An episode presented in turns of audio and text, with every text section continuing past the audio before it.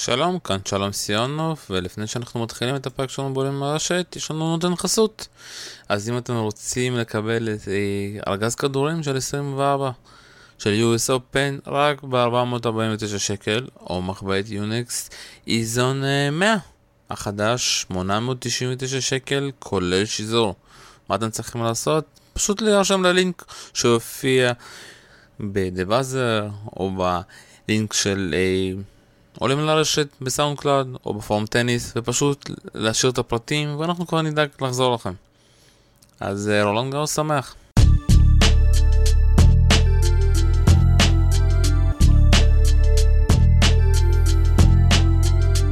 שלום שלום וברוכים הבאים לפודקאסטייה הבית הישראלי לפודקאסטים מכל מיני סוגים אנחנו ממשיכים אה, בפודקאסט שלנו עולים לרשת ואנחנו כבר מסכמים את היום השישי ברון גרוס ואיתי כאן אליאור אלבחרי מה קורה אליאור? ערב טוב שלום, ערב טוב לכל המאזינים שמע, איזה יום משוגע, מה קרה, מה קרה היום? אתה יודע, חג רולנד שמח, באמת שמח היה לנו היום. ללא ספק, יום משחקים נהדר של טניס, אה, מרתונים, מותחנים, הפתעות. אה, והמון המון אה, סיפורים מעניינים שתכף אנחנו ניגע בכולם. נתחיל כמובן עם זוורב מול אה, דמיר דה ג'ומחור, אם אני מבטא את השם שלו נכון. ג'ומור, דמיר ג'ומור. ג'ומור, שמע זה התחיל טוב דווקא בזוורב, שהבוסני כמעט ולא הגיע במערכה הראשונה. זוורב פתח עם שבירה גם בסט השני. ולא יודע מה בדיוק קרה, אבל שם, אתה יודע, הגיע איזשהו שחקן אחר לגמרי, שהחליט שהוא מתחיל לשחק רק דרופשוטים, וזה פשוט התחיל להיות תצוגת של דרופשוטים, שפשוט זוורב, אתה יודע, למרות שהוא היה מגיע לדרופשוטים וחלק לא הגיע, אבל כל פעם, אתה יודע, שהוא היה מחזיר את הכדור, הבוסני פשוט היה מעביר איכשהו, וזוורב לא ידע מה לעשות. ופתאום זה 6-3, 6-4 לבוסני שנותן את אחד המשחקים הכי טובים שאני ראיתי ממנו. היה איזשהו משחק לדעתי גם באיזשהו גרנד סלאם אוסטרליה או US Open, אני לא בדיוק זוכר שהוא גם, אתה יודע, קצת הראה שהוא יודע לשחק. אבל זה באמת היו שתי מערכות מדהימות שכל דבר נכנס ומצד שני, אתה יודע, זוורב מתחיל להיכנס לאיזשהו הייפ כזה של עוד פעם אני לא אעבור, מה אני עושה כאן? איך זה הגיוני, ובסוף הגיע הרב, אה, הסט השליש, הרביעי אפשר להגיד, שבו זוורב גם היה צריך להפסיד כבר כמה פעמים, אבל איכשהו הצליח, אתה יודע, לגנוב את השובר שוויון, והגענו לסט החמישי, שזוורב שבר בהתחלה, היה כבר, אתה יודע, במצב שרק תשמור את הסרב, אבל הבן אדם פשוט היה צ'וק השנה, נשבר מחדש, נתקע גם במשחקון, אתה יודע, במשחקון של 5-4, כבר היה שם עם break point ו match point בכלל, אבל לא יודע מאיפה הוא הצליח להוציא את ה serve האימתני שלו, אתה יודע, לצד היתרון, ומשם כבר אה, פתאום, אתה יודע, גם משחק הרשת שלו התחיל לפעול, והנקודות הקטנות האלה שהוא הפסיד במהלך כל המשחק, דווקא שם הוא ניצח, וזה ניצחון פשוט מדהים של זוורב, שאני לא האמנתי שהוא יצליח. כי, שוב פעם, הוא לא שיחק טוב, אנחנו חייבים להודות. ומה שניצח בסופו של דבר כאן זה המנטליות, וזו מנטליות יותר מדי, אתה יודע, שלא מתאימה לשחקן בין 21 עם כל מה שיש לו, זה מנטליות שמתאימה לשחקנים כמו נובק, פדרר, נדל, שאחרי שהם כבר זכו, אתה יודע, בטורנירים גדולים, בגן סלמים, והם מגיעים כבר, אתה יודע, בפעם השנייה, בפעם השלישית, מול שחקנים כאלה, שפשוט עושים להם את המוות. וכאן זוורב, אתה יודע, הפתיע אותי עוד פעם, אתה יודע, גם אחרי המשחק מול ליוביץ', ששם כבר ליוביץ', אתה יודע, לא היה בכושר, אבל כאן הבוסני שיחק, נתן את כולו עד הדקה האחרונה, וזוורב לא יודע עדיין מאיפה כן הצליח להוציא את הכוחות ולנצח בסופו של דבר את עצמו. אני מסכים איתך, מסכים איתך עם חלק מהדברים, וחלק מהדברים אני לא כל כך מסכים. לגבי העניין, דיברת לגבי ההתחלה של המשחק, אז זוורב, וציינת נכון, שיחק מצוין, הוא פתח את המשחק בסערה, וזה היה נראה שהוא הולך לניצחון די חד משמעי, עם 6-2 במערכה הראשונה, וזה נראה שזה הולך לכיוון שלו די בקלות.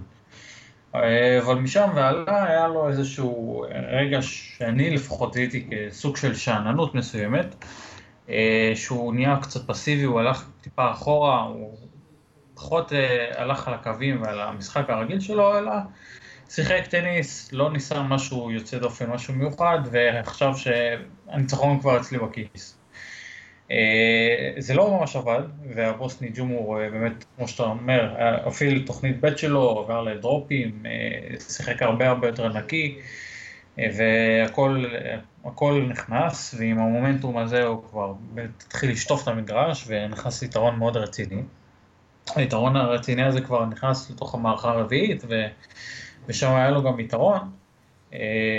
וציינת את זה בעצמך במערכה הרביעית, היה לו אפילו חושב serving for the match או משהו כזה, אה, שהוא לא הצליח לנצל. ו...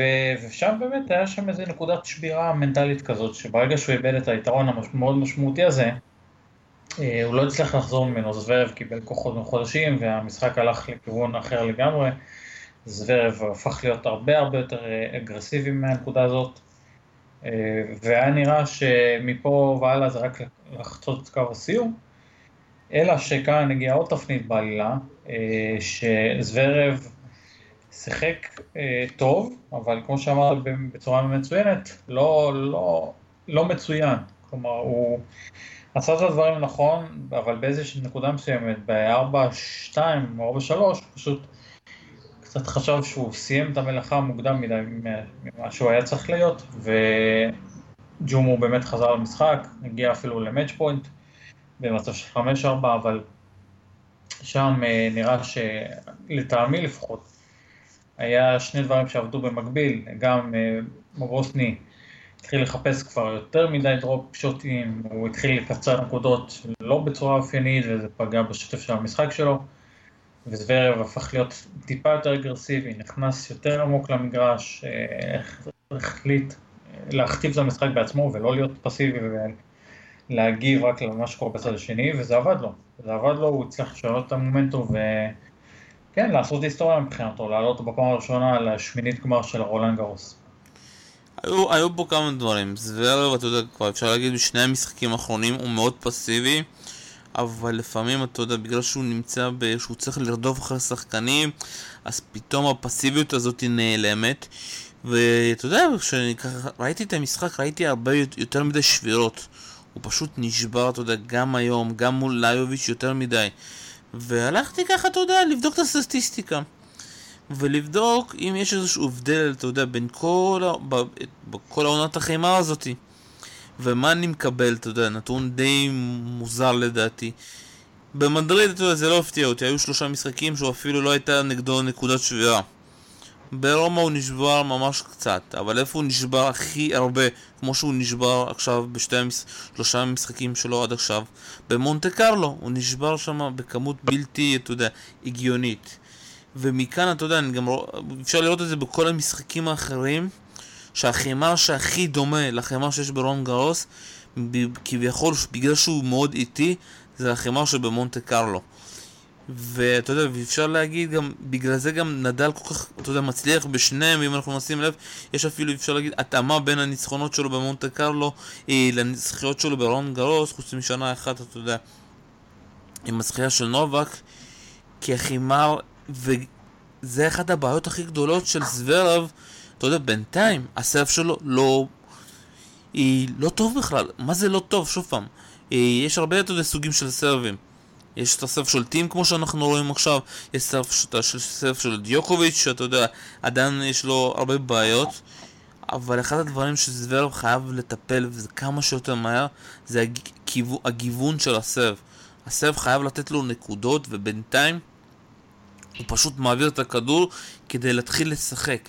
הסרף שלו לא אפקטיבי ואתה יודע, וזה ההבדל של זוורב של מדריד זוורב של רומא ואתה יודע כמה שהוא מצחיק, גם זוורב של אה, מינכן, למרות שאתה יודע שם גם היו לו כמה יודע, פעמים ששחקנים מוזרים ששברו אותו, אבל זוורב חייב להבין, אם הוא ימשיך לשחק ביכולת הזאת ולהפסיד משחקונים על הסרף שלו ב-0.40, לדעתי היה לו שתי, שתיים או שלושה משחקונים כאלה שהוא מפסיד על 0.40 הוא חייב, מצד שני גם הוא חייב לשפר את משחק הרשת שלו. כמות הטעויות שהיו לו היום ברשת זה מדהים. ושוב פעם, זוורב יודע לשחק ברשת זה הכל מנטלי, היא שכנראה משהו שם, אתה יודע, לא...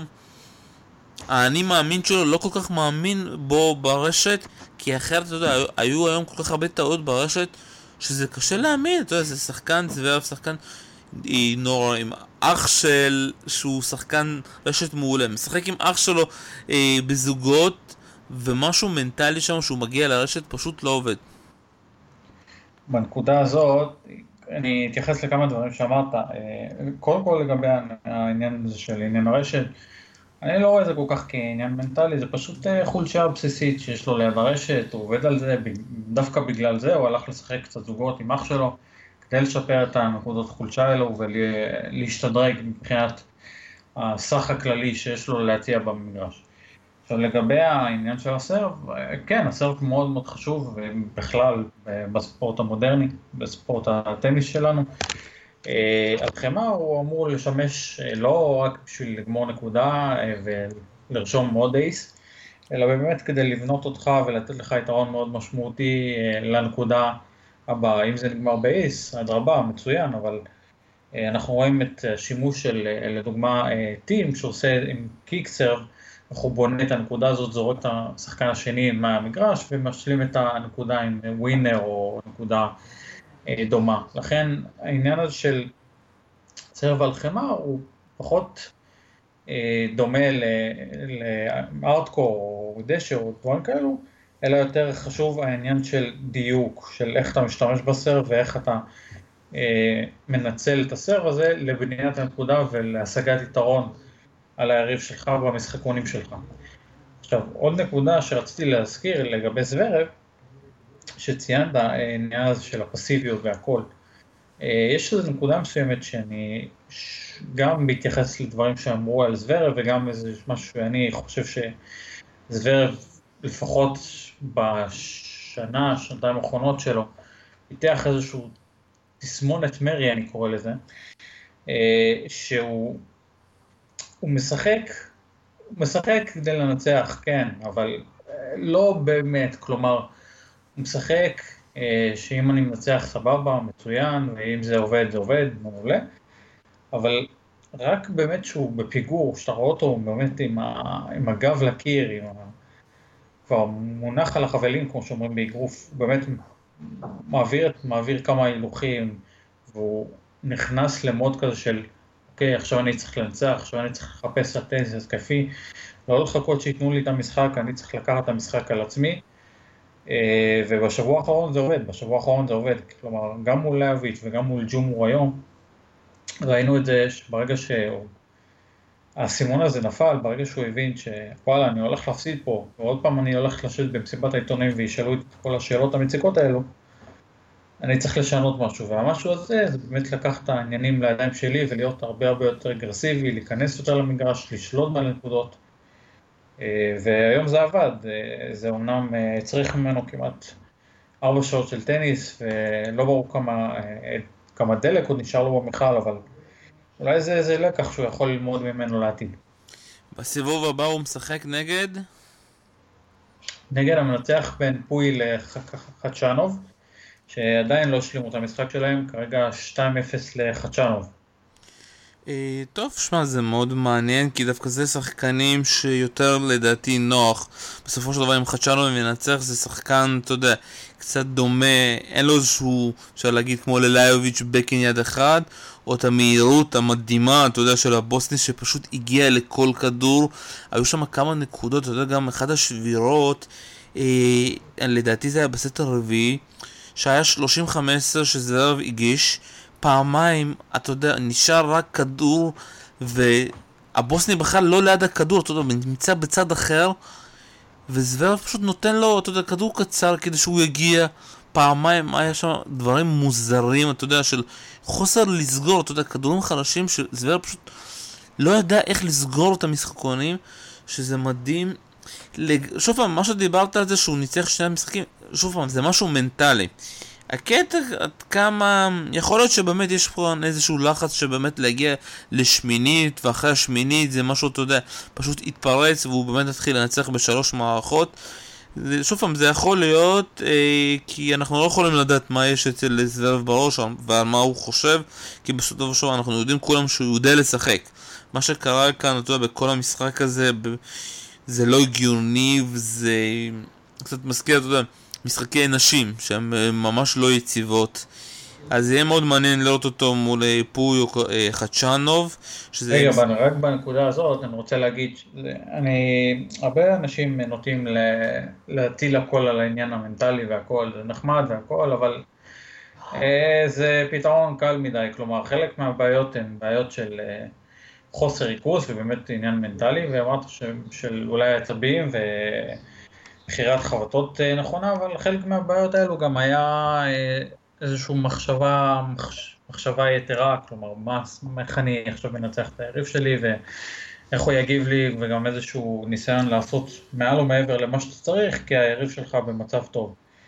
אה, העניין הזה של הסבב הנשי, אני לא חושב שזה כל כך נכון, כלומר העניין הזה של יציבות אה, פר משחק ופר טורניר זה שונה ממקרה למקרה וזה לא יהיה נכון להגיד ש, שזה הבעיה העיקרית בטניס אנשים, זה ממש לא ככה, ויש אה, גם כישרונות נהדרים שם, ופחות התחום של הדיון שלנו כאן, אבל אה, עוד פעם, להגיד אה, שזה רק בעיה מנטלית, זה, זה, זה אחד מהבעיות, זה אף פעם אין בעיה אחת ספציפית ללמה שחקן אחד מצליח בנקודה כזאת או אחרת.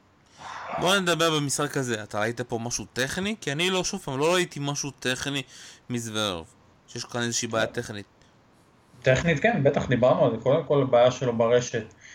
ראינו שציינת את זה בעצמך, כדורים מה service box, פחות או יותר, כדורים של חצי מגרש, הרבה כדורים כאלו הלכו או החוצה, או באמת ממש לידיים של ג'ומור.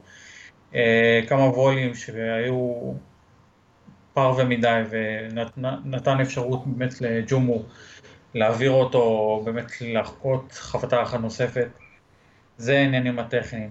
אני לא, אה, אני לא מסכים איתך, אני חושב שסוורב יודע לשחק ברשת, הבעיה שהוא מגיע לרשת, המחשבות הרעות מתחילות לצוץ, ואתה יודע, וכל השמועות וכל מה שהעיתונאים אומרים שהוא לא יודע לשחק טוב ברשת, ולפעמים כשאתה בלחץ, הטעויות מתפרצות. ולראייה, אתה יודע שכמעט אין לו טעויות בבקן ואין לו טעויות בפורן. הטעויות הכי גדולות שלו, וזה לא רק במשחק הזה, גם במשחקים אחרים, זה בעיקר ברשת, כי יש כאן איזשהו פחד מנטלי, פחד של לטעות והוא טועה. מה שטוב אצל זוורב שהוא ממשיך, אתה יודע, הוא ממשיך להאמין בדרך הזאת. אם אנחנו, אתה יודע, לא בדקתי את זה, אבל אם אנחנו נבדוק, למרות הטעויות הרבות שלו ברשת, הוא כן ממשיך לעלות ולעלות ולעלות. וזה, אתה יודע, לזכותו. כן, אני, אני מבין את הנקודה שאתה מנסה להעלות, אבל אני לא מסכים איתה. כי אתה יודע, כשאתה משחק, אתה בדופק גבוה ואתה רוצה לגמור את הנקודה, אתה חושב על הנקודה, אתה לא חושב מה מסיבת העיתונים יגידו ומה חושבים עליו בקהל. יש לך מטרה ואתה רוצה לנצח את הנקודה הספציפית הזאת, את המשחקון הספציפי ואת המשחק. העניין הזה של מה יחשבו או מה אומרים עליי או דברים כאלו, זה... זה ניתוח, אה, ניתוח מוגזם, מופרז לדעתי, כלומר את הבעיות האלו שיש לו ברשת, ראינו את זה כבר בהמון המון מקרים בעבר, אה, גם על הדשא וגם במשחקי hardcourt. ראינו, אה, אני אתן לך אפילו דוגמה די בולטת, במשחק מול נדל בסינסינטי או מונטריאול שנה שעברה, שהיה לו נקודה שהוא היה רק צריך לגמור אותה, היה לו match point מול נדל, גם אה, במרחק הזה פחות או יותר של service box, כדור די פשוט, רק לגמור את הנקודה, והכדור הלך ישר לרשת. אז זה, זה, לא, זה לא עניין של אה, בעיה מנטלית של איך אני עכשיו מתמודד עם לחץ, זה בעיה טכנית שפשוט צריך לפתור אותה ולשפר אותה. אה, וזה לא שהבקאנד והפורנד שלו מושלמים, כלומר יש גם טעויות מהצד הזה, וראינו ראינו כמה לאביץ' וג'ומור שמו הרבה מאוד לחץ על הבקאנד של אה, זוורב, אה, שבסופו של דבר הניב גם את הפירות, ראינו שזה התוכנית משחק שלהם עבדה עד לנקודה מסוימת. אה, לכן אני חושב שהפתרון הזה בבעיה מנטלית זה, זה טוב, זה טוב, זה נכון, יש עליו הרבה לחץ, וכמובן עם כל האייפ הזה סביבו של, של הדור הבא והמחליף של פדר ונדל, זה טוב ויפה, אבל יש לו עדיין, הוא שחקן מדהים מדהים מדהים, והלוואי שלכולם יהיה כישרון אה, ברמות כאלו, אבל צריך לזכור שהוא עדיין רק בן 21 ויש לו המון, אה, המון אלמנטים במשחק שהוא עדיין יכול וצריך לשפר אותם. טוב, כנראה שאנחנו לא נסכים בנושא הזה. אנחנו נמשיך לדבר במשחק הבא, נובק ג'וקוביץ' מול אה, רוברטו אגוט אה, בטיסטה. היה משחק מעולה, אפשר להגיד, אתה יודע, כל המשחק כמעט נובק, אפשר להגיד, שלט. אה, מה שקרה שם בסט השני היה די מוזר, אפשר להגיד, הוא הוביל 3-0, נשבר. ובטיסטה חזר, אפשר להגיד, גם בשובר שוויון, בטיסטה הוביל, אתה יודע, אפשר להגיד לאורכו, ועד שנובק, אתה יודע, השווה ל-6-6, ושם נקודה פשוט מדהימה במצב של 6-6 שהוא מציל שם שתי כדורים מדהימים וכדור נוח שנופל ככה באמצע המגרש פשוט נופל, אה, אתה יודע, פוגע ברשת ועף החוצה ונובק שבר את המחבט, אתה יודע. זה אחד הדברים שגם כתבתי בפורום שכאן ראיתי שנובק הישן והטוב, זה שאכפת לו חזר. הכעס הזה שהיה מאוד חסר לי, אתה יודע, בהפסדים שלו מול אדמונד, מול קליז'אן, גם במיאמי ואינדיאנס ווילס, שלא לא ראיתי את הכעס הזה, ראיתי מישהו שמשחק והפסיד, סבבה, הפסדתי, הלכתי. ואת הרצח הזה גם ראיתי, אתה יודע, במערכה, אה, בשובר השוויון בכלל, אתה יודע, במערכה השלישית, שהוא שיחק שם פשוט מדהים, לא נתן לבטיסטה לעשות שום דבר, אתה יודע, שלט מהנקודה הראשונה עד הנקודה האחרונה, הזכיר לי קצת השובר שוויון שלו מול פדר, אתה יודע, בגמרים בווימבלדון, וכמו שהוא אמר, אתה יודע, אה, בסוף ברעיון, הסט הרביעי היה פשוט מדהים, שהוא, אתה יודע, זה מה שמאפיין תמיד את נובק, איך הוא ונדם מגיעים ל... אתה יודע, לשחק את הסט הרביעי ואת הסט החמישי שהם יכולים לדרוס ומצד שני השחקנים כבר לא מצליחים לרוץ לכל הדרופ שוטים, לכל המכות, הם כבר מצליחים להוריד את הרמה כי בסופו של דבר, אתה יודע, לא כל אחד יכול לשחק ארבע שעות ופשוט uh, להמשיך באותו קצב. בעניין הזה אני לוקח כמה נקודות שאתה ציינת ומחזיר את זה קצת לדיון הזה של זוורב, אז יש פה את העניין הזה גם של השבירת מחבט, אני מסכים איתך בנקודה הזאת לחלוטין, שזה מראה ש... הרוח הלחימה הזאת והרצון כן לשמור על, אה, על הרמה המצוינת שהוא הפגין מהמערכה הראשונה ובשלבים אה, מכריעים מאוד מהמערכה השנייה, זה כן הראה את הנקודה הזאת שאכפת לו והוא מאוד עדפני ורוצה לנצח, כמובן אנחנו יודעים שנובק הוא פרפקציוניסט ואולי חוסר מזל הוביל אותו לאובדן המערכה השנייה, אבל אני לא כל כך מסכים עם הנקודה שאמרת שהוא הוביל הוא שלט לפחות ברוב כל המשחק, אה, כי זה לא היה נראה ככה במהלך המערכה השלישית, הוא היה שם בפיגור של 5-3, אה, ואפילו במצב, אפילו שהוא החזיר את השבירה הזאת במצב של 5-5, גם אה, בוטיסטה הגות היה לו נקודה די קלה ליד הרשת, במצב של 30-30, ששם הוא העביר מין סלייס חצי גובה כזה די מוזר, ישר לנובק לידיים, משם פחות או יותר המשחק התהפך. כן. לגבי, רגע, לגבי עוד נקודה, לגבי העניין של היכולת שלו במערכה הרביעית, מערכה אווירית אה, מושלמת, אה, באמת שאם הוא ימשיך ככה, קשה לראות מי, מי עוצר אותו במשחק שתיים הקרובים, אבל אה, אתה יודע, קשה לדעת, נובק ראינו בעונת חמר שלו, שיש לו עליות וירידות, גם במשחק הזה היה לו לא מעט עליות וירידות. ולמה הוא, ודיברת על העניין הזה של פדר, נדל, דברים כאלו, זה שילוב גם של אה, יכולת מנטלית מאוד מאוד חזקה, אבל, אבל לא רק מנטליות, אלא גם כושר פיזי מדהים וטניס כמובן עם כישרון שיש רק לבודדים. שוב פעם, אתה יודע, אחד האדם שמאוד אהבתי שהוא אמר אי, בסוף המשחק בריאיון, הוא אמר שהרבה אנשים אומרים, טועים, למה אני משחק כל כך הרבה ואני לא מסיים את המשחקים אי, תוך שעה, שעתיים, אבל הוא אומר, היי, לא שיחקתי הרבה זמן, אני כן, אני נהנה לשחק. אני רוצה לראות את הכושר שלי בשלוש שעות, ארבע שעות. אה, אני רוצה לחוות שוב פעם את הרעב הזה של לשחק, ואני רוצה לצבור כושר משחק. ואתה יודע, וזה מה שאני גם, אתה יודע, מצד אחד מאוד אוהב, שהוא מסכים עם הטענה הזאתי, שיש לו, הייתה לו כאן איזושהי חלודה, אתה יודע, מרוב כל הפציעות וכל הבלאגן, ופתאום, אתה יודע, עונת החימר, בגלל שיש אה, טורניר שבוע אחרי שבוע, אז הוא כן הצליח, אתה יודע, בתקופת ההכנה הזאת לצבור לעצמו איזשהו, אפשר להגיד, טעם, אה, אה, זמן מש, אה, משחק, וגם המשחקים הארוכים האלה רק באים לטובתו. בנקודה מאוד... הזאת, אני, סליחה שאני קוטע אותך בנקודה הזאת, זה טוב ויפה גם כמובן שהוא מתלוצץ ככה עם העיתונאים והכל, אבל זמן, זמן מגרש זה משהו שאתה צריך להרוויח בעונת ההכנה, זה מאוד מאוד חשוב כדי לבנות את המומנטום שלך לקראת המאני טיים של הגרנד סלאם. גרנד סלאם, אתה לא רוצה להשקיע יותר מדי זמן ואנרגיה בסיבובים הראשונים, בשבוע הראשון, במיוחד שאתה צריך לפגוש עוד בדרך את אה, דומיניק טים, ואולי אולי את אה, נדל בדרך, אה, זה בעיה, בעיה שהוא יצטרך להתמודד איתה, לקצר משחקים, אנחנו יודעים שהמשחקים של ג'וקוביץ' אף פעם לא קצרים מעצם סגנון המשחק שלו והזמן שהוא מושך בין נקודות, אבל אם הוא נהנה מזה, בבקשה. זה, בינתיים זה עושה את העבודה, הוא מנצח וזה מה שחשוב. זה מאוד חשוב. יודע, גם מאוד אהבתי את החיבוק החם שלו בסוף לבוטיסט הגות. אה, כבר הזכרתי את זה אתמול גם בפודקאסט. אימא שלו נפטרה לפני שבוע, ולמרות זאת הוא החליט להגיע למשחק. אה, ואתה יודע, לפעמים זה מאוד קשה, אתה יודע, להיות בבית, ואתה יודע, יש מקומות שאתה כטניסאי במיוחד, אתה לא יודע, אתה יודע, מה לעשות. הוא לקח פה החלטה אמיצה. ולתת fight, אתה יודע, במשחק הזה, מגיע לו כל הכבוד עם כל מה שקורה לו, אתה יודע, מחוץ לחיי הטניס. חד משמעית, אין לי, אין לי באמת מה להוסיף מעבר לנקודה הזאת, זו החלטה אה, מאוד אמיצה ומאוד לא, ולא פשוטה בכלל, וזו החלטה שכל בן אדם, טניסאי, ספורטאי, יכול רק לקבל אותה על סמך אה, העניינים האישיים שלו ומה שקורה לו ובסביבה הקרובה שלו.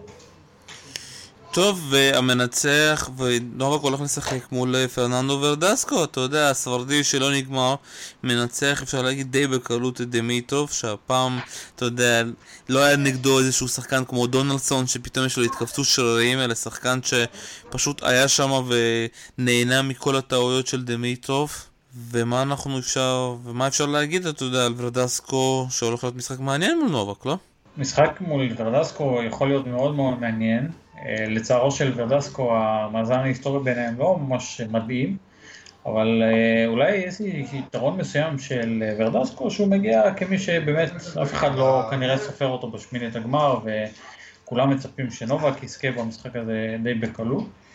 אה, איזשהו יתרון של ורדסקו שהוא כבר, אה, כתבתי את זה גם בקבוצה, שהוא כבר היה פחות או יותר עם רגל וחצי מחוץ לטורניר מול אה, נישיוקה בסיבוב הראשון, שהוא ניצח את המשחק הזה פחות או יותר רק בגלל הפציעה של היפני, אבל משם והלאה הוא מצא את מוזת הטניס שלו והוא משחק באמת נהדר, גם היום מול דימיטרוב היה לו משחק מצוין. כמה זה יצא לפועל גם מול ג'וקוביץ' בשמינית, אנחנו נצטרך להמתין ולראות. שמע, פרדסקו מאוד אוהב שח... אה, לנצח מדורגים, אם אתה זוכר הוא ניצח כבר את נדל בסיבוב הראשון באוסטרליה, שנה שעברה הוא ניצח את זוורב בסיבוב הראשון, זה שחקן מאוד מסוכן בשביל מדורגים.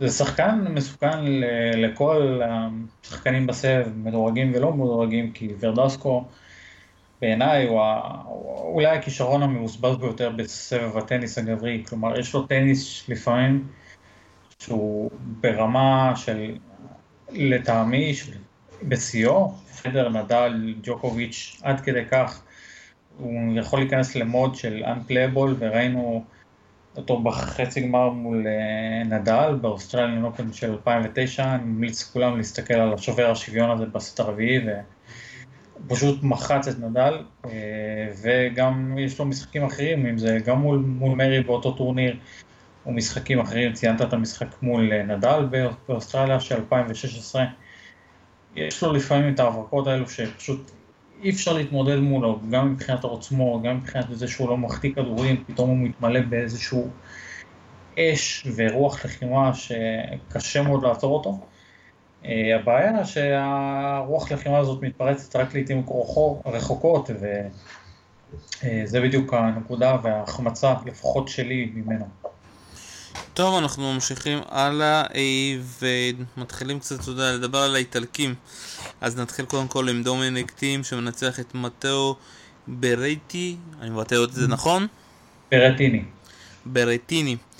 אה, היה משחק מאוד מעניין, ראיתי אותו, אה, האיטלקי מאוד הפתיע אותי, שחקן אפשר להגיד fighter, fighter ברמות הכי גבוהות, נלחם על כל כדור, מאוד אגרסיבי, נכנס, אה, ניצח את טים במערכה השנייה בשובר שוויון די מעולה, שטים שם היה צריך ללכת על, אתה יודע, על לא 100%, על 200%, אבל אפשר להגיד שאנחנו רואים את זה, אתה יודע, בכל המשחקים של טים, מערכה שלישית, רביעית, חמישית, הוא עדיף על כל היריבים שלו, כי הוא משחק ברמה, אתה יודע, פיזיות הכי גבוהה שיש. ומשהו אולי שאתה רוצה להוסיף על המשחק שלו? כן, אני רק אוסיף שהמשחק של ברטיני היה מצוין והוא הציג הרבה יכולת, יכולת, סליחה, מאוד טובה ומאוד גבוהה, רוח לחימה חסרות פשרות כמו שאמרת. אה, יחד עם זאת, אני חושב שטים לא היה ממש היה צריך לאבד את המערכה השנייה, זה היה איזשהו עיבוד אה, ריכוז של כמה דקות במהלך השובר השוויון, אה, של ברגעים כאלו שאסור, אסור, אסור לאבד את הריכוז, אבל בסך הכל טים היה דומיננטי לאורך כל המשחק והוא זכה בכרטיס לשמינית בצדק. ממשיכים לאיטלקי הבא. מרקו, אתה הולך להשלים את השם של המשפחה שלו? מרקו צ'קינטו. מרקו צ'קיטן... אה, צ'קי... צ'קינטו. צ'קינטו. כל האיטלקים האלה עם השמות שלהם מנצח בהפתעה הכי גדולה את פבלו קרנו בוסטה 2-6-7-6-6-3-6-1 ובסופו של דבר, אתה יודע, הוא מגיע עם הסיפור הכי הזוי אפשר להגיד הוא זכה בבוקרשט, אני לא טועה? כן, אתה לא טועה. בבוקרשט אחרי שהוא נכנס כלאקי לוזר אה, וזה עלה כאילו זה התשיעי, אתה יודע, ב-ATP שמצליח לזכות, וגם יש לו איזשהו סיפור מעניין עם השעיה, לא השעיה, בוא קצת תספר לזה. אז לפני כן ציינת את העניין הזה של הלאקי לוזר ועוד איזה עובדה ככה מעניינת, אנקדוטה מאוד מאוד מעניינת, שהמשחק שהוא הפסיד במוקדמות היה לא אחר מאשר ליורגן זופ, השחקן האסטוני שאנחנו נראה אותו מחר אה, בסיבוב השלישי. לגבי צ'קינטור, סיפרת שיש לו סיפור רקע מאוד מאוד מעניין, אה, לחיוב ולשלילה כמובן, שבמהלך 2016 הוא הואשם בהטיית משחק, וההתאחדות הטניס האיטלקית אה, דנה אותו ל-18 חודשים של השעיה, היה שם סיפור די רציני, אה, שהוא בסופו של דבר ערער עליו, והעונש שלו הומתק, הומתק בהתחלה לשנה. אה, אבל אחר כך באמת ביטלו את הקנס והחזירו אותו לפעילות, התירו לו לחזור לפעילות אה, ומשם והלאה, אתה יודע, השמיים נפתחו לו, כנראה חזר לו איזשהו אה, רוח, רוח לחימה, איזשהו רצון מחודש לשחק טניס ולהוכיח לכולם ו... והעניין הזה עלה כאילו זה ההזדמנות הזאת שהוא קיבל בבודפסט, ניצל אותה עד תום. עד לזכייה בתואר באמת, אה, ובטורניר הנוכחי בלרון גרוס ראינו שהטניס שלו פשוט גם נפלא, נפלא. ציינת, אה, ציינו מוקדם יותר את העניין הזה של ורדסקו, שהוא יצא פחות או יותר מהקבר בסיבוב הראשון, אז גם צ'קינטו חזר מפיגור של 2-0 בסיבוב הראשון ועשה פה מרוץ מדהים עד השמינית גמר, פעם ראשונה בקריירה שלו שהוא בכלל עובר את הסיבוב הראשון בסלאם, אז שאפו ענק, רק להוריד את הכובע בפניו. ללא ספק, שמע, שני האיטלקים האלה היא מאוד הפתיעו אותי ושניהם במקומות, אתה יודע, מרקו בכלל במקום 72, ברטיני בכלל 96, ואתה יודע, והם לא, אפשר להגיד שאתה לא, הם לא שחקנים צעירים, אתה יודע, אפשר להגיד בגיל ה-25, 26, והנה, אתה יודע, בסופו של דבר, העומק הזה של האיטלקים לפעמים, אתה יודע, הם, השחקנים לא יפרצו בגיל המוקדם, דווקא הם יכולים גם לפרוץ בגיל המאוחר. כן, זו תופעה שאנחנו רואים אה, הרבה בשנים האחרונות בטניס הגברי, של late אה, bloomer כאלו, של חבר'ה בגיל 25, 6, אפילו 27, ראינו את הפריצה המחודשת של מישה זוורב, בחור עכשיו אם אני לא טועה כבר בן 30, אה, 31, שרק בשנה וחצי האחרונות פתאום הגיע לפסגות המדהימות שהוא הגיע אליהן. אה, והטניס האיטלקי, כנראה השחקנים האיטלקיים גם, אה, סוג של איזושהי הגשמה של רוח קרב איטלקית כזאת, של אנשים שלא ממש רואים בעיניים ומשחקים מאוד פתוח, מאוד יצרי, מאוד אגרסיבי, ולפעמים זה משתלם ולפעמים זה לא. אה, צ'קינטו במשחק היום מול קראנו בוסטה זה מאוד מאוד השתלם, והמשחק שלו היה ברמה מאוד מאוד גבוהה, אני מאוד התרשמתי ממנו. טוב, עוברים לקיוני שיקורי שמנצח די בקלות את סימון, אה, משהו שאתה רוצה להגיד על המשחק הזה? לא, אין לי מה להוסיף יותר מדי על המשחק הזה, היפני שיחק באמת מאוד יציב, היה לו תוכנית משחק מאוד ברורה להזיז את אה, סימון מצד לצד, שלט בנקודות, אה, והוא ניצח, היה פיבוריט למשחק, ניצח בצורה חדה, מהירה, וזה זמן מאוד מאוד חשוב שהוא חסך לעצמו אחרי המותחן הארוך מול בנו הפאר בסיבוב הקודם. אנקדוטה מעניינת זה כבר הצרפתי השלישי שהוא מניח בטורניר, ו... היד עוד נטויה, כמו שאומרים. טוב, אנחנו גם, אתה יודע, יש לנו עוד שני משחקים שלא דיברנו, וזה שני משחקים שלא הושלמו, גופן מצד אחד מול מונפיס, ומצד שני לוקה פוי מול קצ'אנוב, קצ'אנוב מוביל בשתי מערכות, וחזר במערכה השנייה מפיגור של 5-2 ל-7-5, המשחק, אתה יודע, בין 5 ל-5, הגיים הזה התארך בערך 15 דקות, שלפוי היה לפחות 4 נקודות, אתה יודע, שהוא יכל לגמור את המשחקון, ומצד שני קצ'אנוב לפחות 4 או 5 כבר. לא היה לי נעים כבר לספור ברק פוינטים, ובסוף חצ'אנוב מצליח, אתה יודע ככה, אה, לצאת, לה, אפשר להגיד, לתחייה הזאת ביתרון של שתי מערכות. אה, מאוד מעניין, אתה יצא לך לראות את גופן מול מונפיס? יצא לי לראות, את, אה, כן, בעיקר את גופן מול מונפיס, המשחק של פוי ראיתי אחרי זה כמה באמת נקודות בודדות שדיברו עליו בגיים סטן מאץ, אחרי זה גם חיפשתי קצת ביוטיוב לקראת ההכנה לפודקאסט. סך הכל משחק מעניין, אני חושב שפוי, ציינת בעצמך, נפל פה לאיזה בור די רציני, הוא חזר רק פעם אחת בקריירה מפיגור כזה, אה, ב-US Open של 2016.